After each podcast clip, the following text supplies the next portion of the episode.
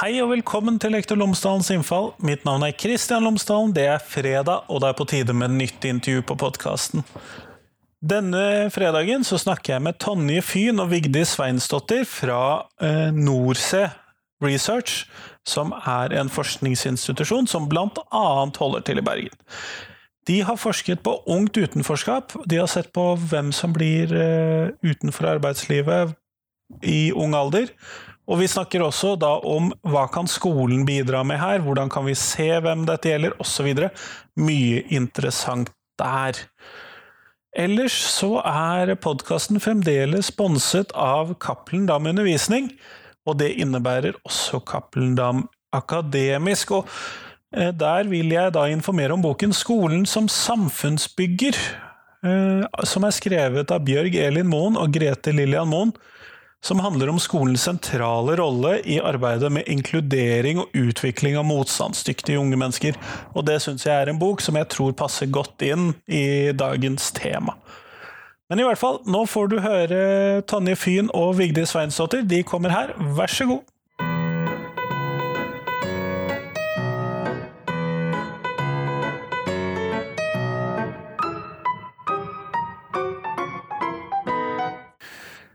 Tonje Fyn og Vigdis Sveinsdottir, tusen takk for at dere har tatt dere tid til meg i dag. Veldig hyggelig. Ja, takk for at du kom. Før vi starter selve intervjuet, så hadde jeg håpet at dere kunne fortelle lytterne mine tre ting om dere selv, sånn at, kan, sånn at lytterne mine kan bli litt bedre kjent med dere. Ja, jeg heter da Tonje Fyn. Det inngår vel ikke i de tre? Nei, det gjør ikke det. Så nå har jeg tre igjen. nå har jeg heldigvis tre igjen. Jeg ble født i Japan. Vokste opp på Sørlandet. Er forsker på arbeidsliv og inkludering ved Norse. Og er veldig glad i smågodt. Kjempeflott. Tusen takk, Vigdis. jeg er, som du hører, bergenser, men jeg er òg islending. Det så du kanskje på etternavnet mitt. Jeg er veldig interessert i norrøn kulturhistorie. Så når jeg ikke er her på jobb, så sitter jeg gjerne og holder på med historisk håndverk. Så det er noe litt annet enn det temaet vi skal snakke om i dag. Eh, men det tredje jeg tenkte å si, er at eh, det handler mer om det vi skal snakke om i dag. Eh, mitt hjertebarn de siste årene har vært mitt doktorgradsprosjekt, som hadde fokus på ungt utenforskap.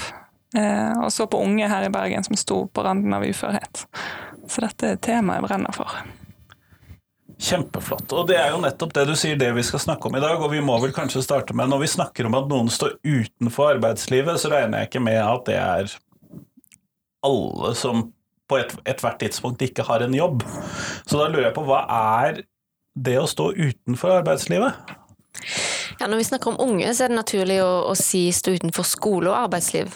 For å, å betegne den alvorlige livssituasjonen som det er. For, for, mange unge er det ikke et problem å stå utenfor arbeidslivet, fordi mange av de går på skole. Eh, men problemet oppstår når de, når de står både utenfor skole og arbeidsliv, og gjerne også da ønsker seg inn i arbeidslivet, men ikke kommer inn i det. Sånn at eh, det er rett og slett så konkret og så enkelt, og den definisjonen på det, da. Ja, det blir jo en ganske sånn altomfattende eh, definisjon, eh, som da blir veldig heterogen. Der har du helt forskjellige personer. Folk som står utenfor bare fordi at de er i en overgangsfase mellom f.eks. utdanning og jobb. Eh, eller eh, har valgt å stå utenfor, har valgt å ta seg et friår f.eks. Og helt til de som eh, står i mer fare for å være varig ekskluderte, da, som ønsker seg inn, men ikke kommer seg inn. Nettopp, nettopp. Men når vi da skal se på unge, eller ungt utenforskap, eller unge utenfor arbeidslivet osv., så, videre, så eh, hva kjennetegner disse gruppene, da? Eller denne gruppen? Det er vel kanskje riktigere å si disse gruppene? Ja, ja for jeg tenker at eh, kanskje det som kjennetegner aller meste, det er nettopp det at det er en heterogen, heterogen eh, gruppe. At det er såpass forskjellige undergrupper da, med helt forskjellige behov. Mm. Er det noen sånne særlige undergrupper som dere da vil trekke fram? Ja, OECD um, har jo et ganske sånn uh, nøyaktig blikk på denne trenden. For det, det, man ser med at flere unge står utenfor, det ser vi ikke bare i Norge, men i hele Europa. Så det står nokså høyt på agendaen der, og de følger det ganske godt da med registerdata. Og, og de har jo kategorisert um, i ulike grupper, som, som Vigdis var inne på her. At noen som står mer eller mindre frivillig eh, utenfor, mens andre har omsorgsoppgaver enten for egne barn eller for foreldre, som gjør at de blir stående utenfor. Um, og noen eh, preger stort sett eh, land som, som har høy arbeidsledighet. Da. Hvis du ser på Spania eksempel, at det preger seg en slags håpløshet. da. At, eh, at um, de har heller ikke noen tro på at de kan komme noen vei, for det finnes ikke jobber til dem. Det er da vi snakker om tapte generasjoner, er det ikke det? Jo, det er et begrep som gjerne, som gjerne brukes, og, og som, hvor den bekymringen forsterkes jo også nå med, med, med koronatiden. Da. Men hvis vi ser på rent sånn eh, trekk ved de unge som står utenfor skole og arbeidsliv, så, så kan man jo, selv om det er en heterogen gruppe, så ser vi at det er noen, noen trekk da, som er mer fremtredende enn en de andre. Ja, spesielt så er vel den viktigste risikofaktoren eh, lav utdannelse eller manglende utdannelse. Og det ser man at er en enda viktigere faktor i Norge enn i andre, andre land vi sammenligner oss med.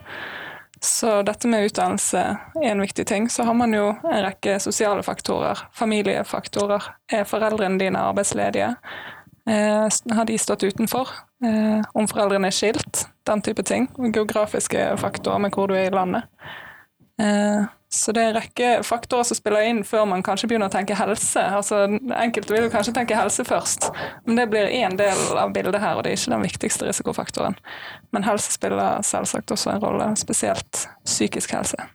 Men så når vi da snakker om disse familieårsakene, da, det er det vi av og til snakker om som vi snakker om at man arver uførhet, f.eks. Er det det? Ja, det er igjen det man tenker på, at uh, disse tingene kan gå i arv. Men eh, du nevnte da også psykisk helse som da en ofte-faktor. Eh, er det ganske gjennomgående for mange av disse at eh, man har psykisk uhelse, eller er det mer sånn noen grupper av denne store helheten? Jeg tror altså Når man snakker generelt om ungt utenforskap, så går det på tvers, altså. Men gjerne spesielt når man ser på de som står utenfor pga. helse, altså de som har fått en uføretrygd. Der er det to tredjedeler nesten av diagnosene som, som er psykiske. På de unge, da. På de unge. Mm. Mm. Og der er, hvis du ser på hele befolkningen, som mottar, eller alle som mottar uføretrygd i befolkningen, så ligger det på rundt 35% Mens for de unge så ligger det helt opp i 60% med psykiske lidelser. da. Hos eldre arbeidsgrupper, aldersgrupper, så ser man gjerne muskel og skjelett også. Eh, som en eh, kanskje like, like, stor som psykisk helse. Men eh, hos de unge så er det psykisk helse som som kommer frem. Og det skal det jo på en måte, det skal jo være, I utgangspunktet skal det være en helse, altså en medisinsk årsak til at man mottar uføretrygd. Uføretrygd er knytta til en helsetilstand som skal være dokumentert av en lege. Da. Og det skal være gjort vurderinger om arbeidsevne og, eh, og hvordan diagnosen påvirker arbeidsevnen. Men det er et nokså komplekst, eh, komplekst eh, bilde, da. Det er jo gjort, eh, gjort noen studier på unge uføre. Ikke, det er ikke gjort veldig mange som tar de unges eget perspektiv der, men, men, noen er det gjort. Og det er blant annet en, en kvalitativ studie altså som baserer seg på intervjuer blant både unge uføre, um, saksbehandlere i Nav og også noen leger, da. Som peker på noen sånn um, ja, skal jeg si både trekk ved den gruppa, men også noen mekanismer som gjør at man ledes, si, ledes ut i, i uføretrygda. Men de, eh, de, sier jo det er en kvalitativ studie, som nevnt, så det er, ikke, det er ikke veldig mange som inngår i den studien, men, men av de som inngår, så, så mener de å se eh, et mønster med eh, at du har de som har en fysisk funksjonsnedsettelse, som gjør at de har fått uføretrygd, og så har du den gruppa som har um, psykiske problemer og eller rusproblematikk, og så har du den gruppa som de som en nokså sammensatt uh, gruppe som, som, de kaller um, Altså, de har få ressurser, både i seg sjøl og i sin familie og i sitt uh, sosiale nettverk. Så det er på en måte um, ja, ressurssvake, det er litt ubehagelig ord, men det er det som brukes. Jeg er enig i at det, det er litt brukes. ubehagelig, men det er kanskje mm. en god beskrivelse i sammenhengen?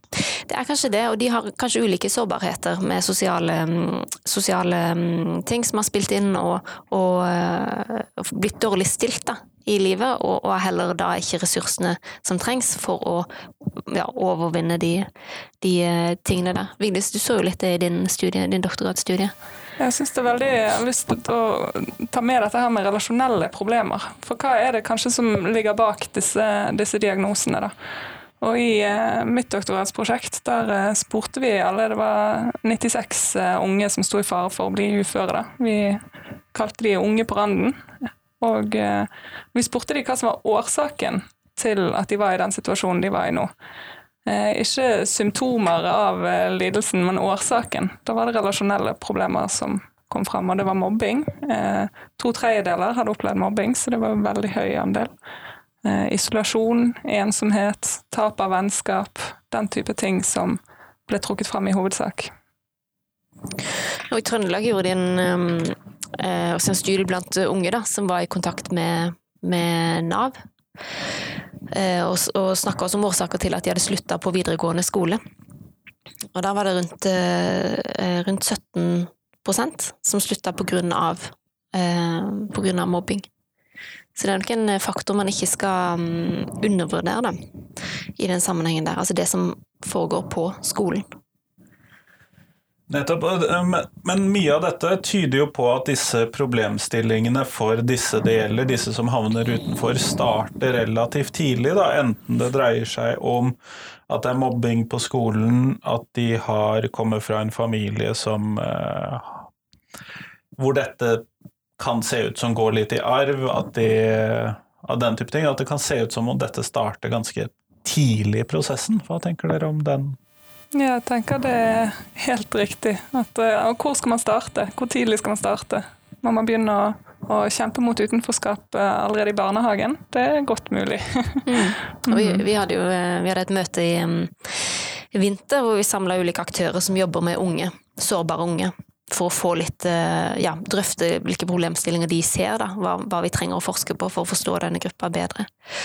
Og da sa, sa de ja, vi En gruppe der som jobber med folk på videregående skole, sa ja, våre lærere sier jo at de kan se første skoledag, hvem som kommer til å, å droppe ut. Sier de litt karikert da, selvfølgelig. Man kan ikke si det helt bastant. Um, og snakker vi med lærere på ungdomsskolen, så sier de ja, vi kan se hvem det er som kommer til å, å droppe ut. Og snakker vi med lærere på barneskolen, så sier de ja, vi kan se hvem som får problemer. Og så kan du trekke det helt tilbake. Og du kan trekke det helt tilbake til faktorer før de blir født, hvis du skal se virkelig dystert på det, som handler om, om sosioøkonomiske um, faktorer. Da. Så, så, men jo tidligere, jo bedre, tenker jeg at man, kan, at man kan gå inn. Og jeg tror jo skolen har en veldig viktig oppgave også i å jevne ut de forskjellene, da. Um, for ja, mange av de fordelene som man ser med f.eks. tidlig barnehagestart og ulike sånne intervensjoner eller tiltak, um, har, har god effekt for de som kommer fra en litt dårligere sosioøkonomisk bakgrunn ikke alltid man finner effekt når man justerer for den sosioøkonomiske bakgrunnen. Men det er veldig god hjelp for de som, som kommer fra en ja, litt dårligere sånn, sånn type bakgrunn. Da. Mm. Ja, disse risikofaktorene gir kanskje et litt sånn dystert bilde. Har du disse risikofaktorene, så havner du utenfor. Men samtidig så gir jo disse risikofaktorene våre et, en pekepinn på hvor det er tiltakene må inn, da. Når man allerede vet det, at uh, disse tingene kan føre til utenforskap. Og så er det jo ikke svart-hvitt heller. Hvis man eh, ser f.eks. at innvandringsbakgrunn er en risikofaktor for å havne utenfor, så gjelder jo ikke det lenger hvis man uh, har uh, utdanningen. Hvis man kommer seg gjennom det løpet. Det er helt forskjellig også for, med tanke på når man kommer til landet og hvordan, eh, hvordan, det går med språklæringen, f.eks. Og så er det vel kanskje viktig å huske på at eh, selv om man har risikofaktorer, så betyr jo ikke det at det er en én-til-én sjanse for at eh, da ryker du bare rett ut. Liksom. Ja, akkurat. Mm. Uh. Og det er jo viktig i kommunikasjonen rundt dette også, at, um, at man på en måte må snakke Man må ta inn over seg den kunnskapen som man har om risikofaktorer, men uten å få et sånn stigmatiserende retorikk da, rundt, rundt de som dette gjelder gjelder. For det er enkeltskjebner som har like mye eh, gode muligheter til å påvirke sin framtid som alle andre. Men noen trenger litt mer drahjelp for å komme på riktig spor. Da. Mm. Men når jeg da skal finne hvilke elever som jeg skal uh, prøve å gi denne drahjelpen til, da uh, hvilke faktorer skal jeg se etter? Hva, hva tenker dere at uh, går igjen såpass ofte at jeg som lærer bør være litt bekymret eller litt ekstra påpasselig, eller ja, hvordan vi nå skal kunne formulere det? Altså I den studien til, som ble gjort der i Trondheim, ved Ose um Ose og, og, kolleger som gjorde den i 2014, så, så er det eh, mange av de som slutta på videregående. Den viktigste årsaken var at eh, de var for syke til å fullføre. Og syk kan jo være ganske mye. og det, sant, Man kan knytte relasjonelle eh, problemer opp mot helse, helseutfordringer, og det gjør, eh, det gjør også mange unge. Så, så, og, og, i den studien er det også mange som sier at de skulle ønske at noen hadde fanga opp det tidligere. At det blir på en måte ikke plukka opp. Alvorlighetsgraden av det blir ikke plukka godt nok opp. Og da kan det jo være at, at uh, symptomene er peker på bakenforliggende ting, da, som kan være sosiale, sosiale um, utfordringer. Så det er vanskelig å si på en måte én ting som man bør plukke opp, men, men, ser man på en måte at motivasjonen er lav, at man ikke hører til sosialt, f.eks., ikke finner sin plass sosialt, um, og kanskje sliter med fravær. Type sykdomsrelatert fravær, da. Så, så uh, tror jeg ikke man ene og alene skal si nei, men de er ikke motiverte, eller Da um, kan det nok være god hjelp i å gå litt uh, grundig inn i hver case, da, og se hva det er som skal til. Hva som skal til for at du skal, skal ha det bedre på skolen, eller få motivasjon, eller for mange, mange vet nøyaktig hva, hva, som skal til. Hvis du spør uh, Dette er bare et eksempel, men Eh, en av de viktigste, på en måte mest presise indikatorene for å finne ut om noen er deprimert eller ikke, det er å spørre dem er du deprimert. For mange vil sjøl kunne gi nokså presist svar ja eller nei om de er det. Mange vil jo, jeg har det, jeg er trist, men jeg, nei, jeg vil ikke si jeg er deprimert. Mens noen får en så direkte spørsmål på det, så vil man kunne si ja. Og jeg tror på samme måte så er det eh, hvis, folk, hvis de unge sjøl får muligheten til å si hva er det som er, hva er problemet, fortell meg det. Um, så, så, vil det kanskje hjelpe de da, å kunne starte en samtale om hva det som skal til for at, for at vi kan, eh, om ikke fikse dette problemet, så gjør det lettere for deg å håndtere dette problemet. Eller disse problemene, da. Mm. Men Vigris, når du så på disse som sto på randen av uh, uførhet, uh, hvilke, hvilke tanker gjorde du deg om hva kunne vært gjort tidligere, da? Jeg antar jo at du, når du så på disse, så gjorde deg noen tanker om hva kunne vi ha gjort opp igjennom her for at dette ikke skulle vært her? At disse barna, unge voksne, skulle vært der hvor de er? Ja, Når det gjelder dette jeg nevnte om eh, relasjonelle problemer, som de nevnte. Eh, når det var så stor grad av mobbing, så tenker man jo med en gang selvsagt på forebygging av eh, mobbing i eh, skolen. Det har vi en gruppe her, eh, RKBU, Regionalt kompetansesenter for barn og unge, unges psykiske helse. Eh, jobber mye med OLBS-programmet. Tiltak mot mobbing. Ekstremt viktig arbeid. Man ser at dette her er noe en så stor andel av de som står på kanten, sliter med. Ja, for du sa 17% var det ikke det du sa? Nei. Det var, det var 66% Ja, nei, da blandet jeg tall. ja, Trondheim-studien så oppga, var det 17 som oppga det. 66 mm. da er enig, da er det høyt. Da er det høyt. så, så, ja, så det kom fram som det viktigste, viktigste problemet her.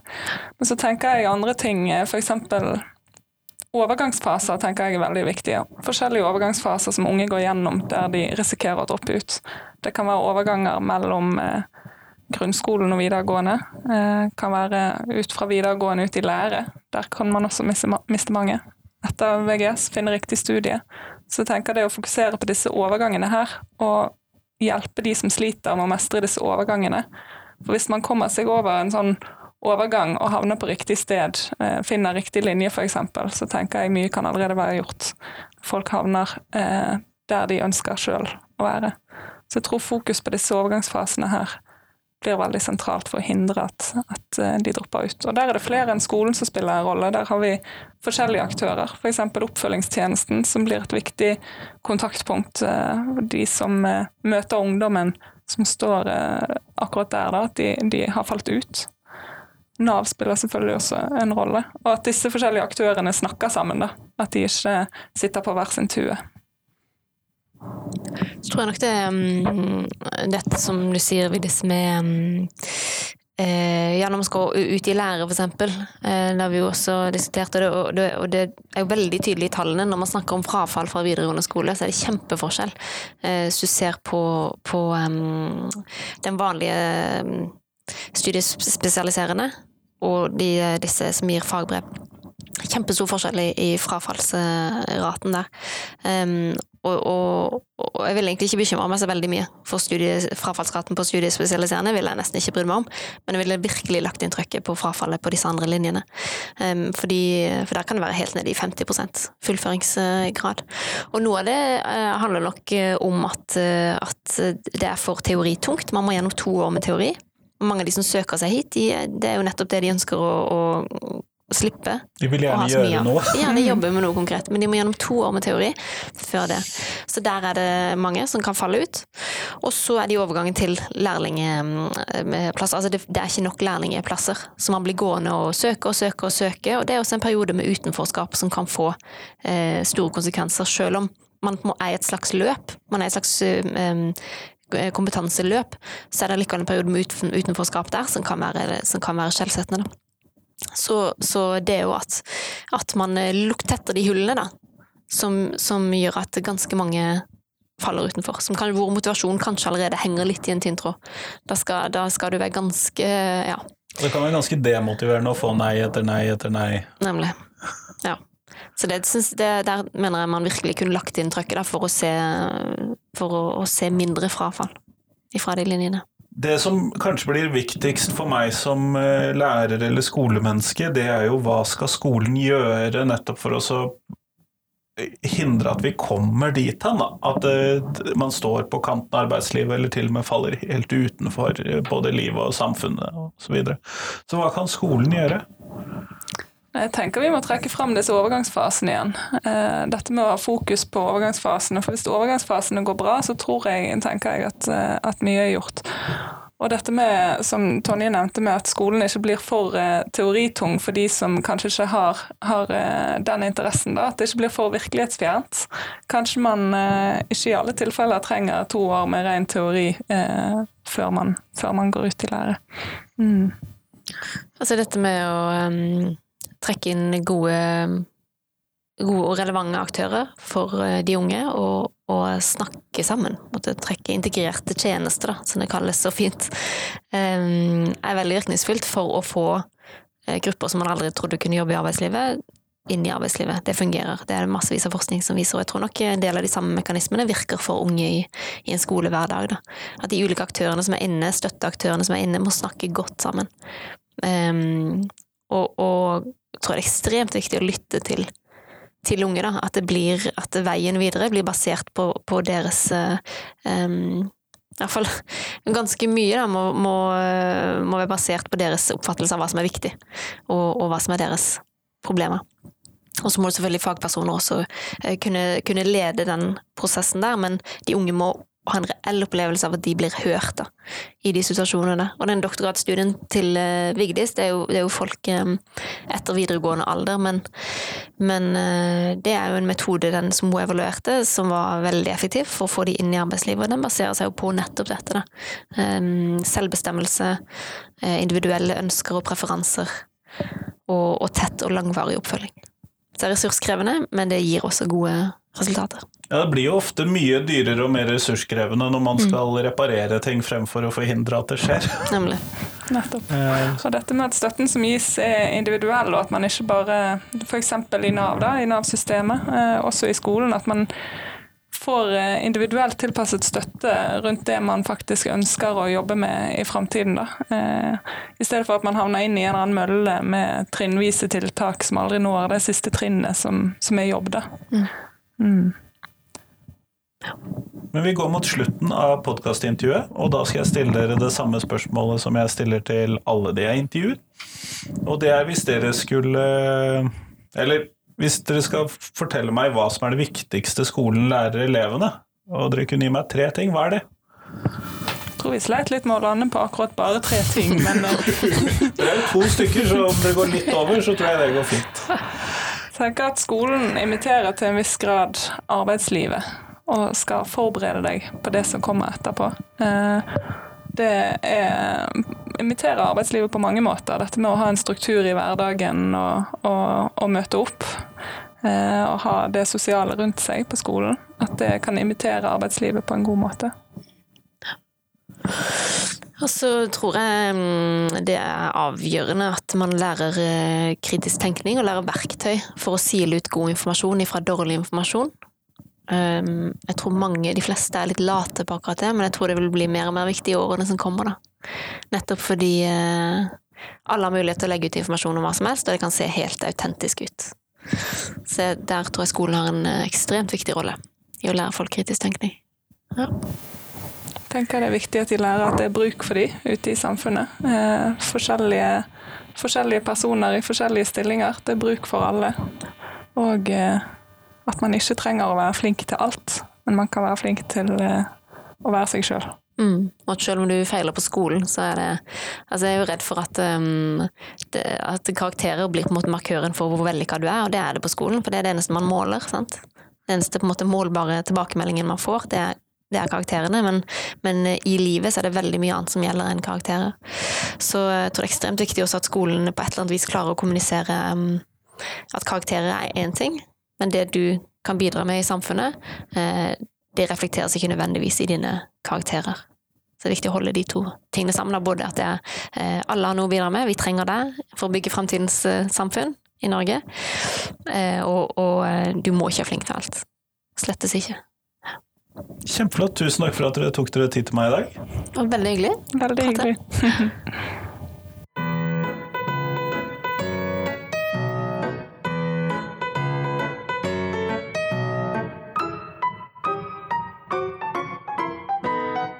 Tusen takk til Tonje og Vigdis, og tusen takk til deg som hørte på. Nå er det fram til tirsdag, så kommer en ny episode på podkasten. Det ser jeg frem til.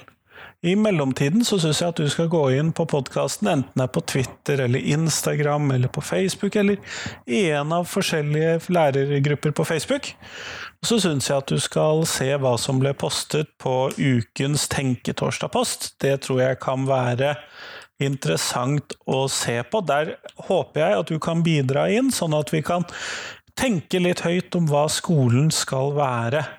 Send meg gjerne også noen innspill, enten det er på noe du hørte i denne episoden, eller i en tidligere episode. Det blir jeg alltid glad for. Det er alltid interessant å vite hva dere som hører på podkasten min, tenker om ulike temaer. Men i hvert fall, Ukens Tenketorsdag-post Hvordan bør fremtidens klasserom se ut? Send meg en melding om det. Men i hvert fall, fram til tirsdag, ha en god helg. Hei, hei!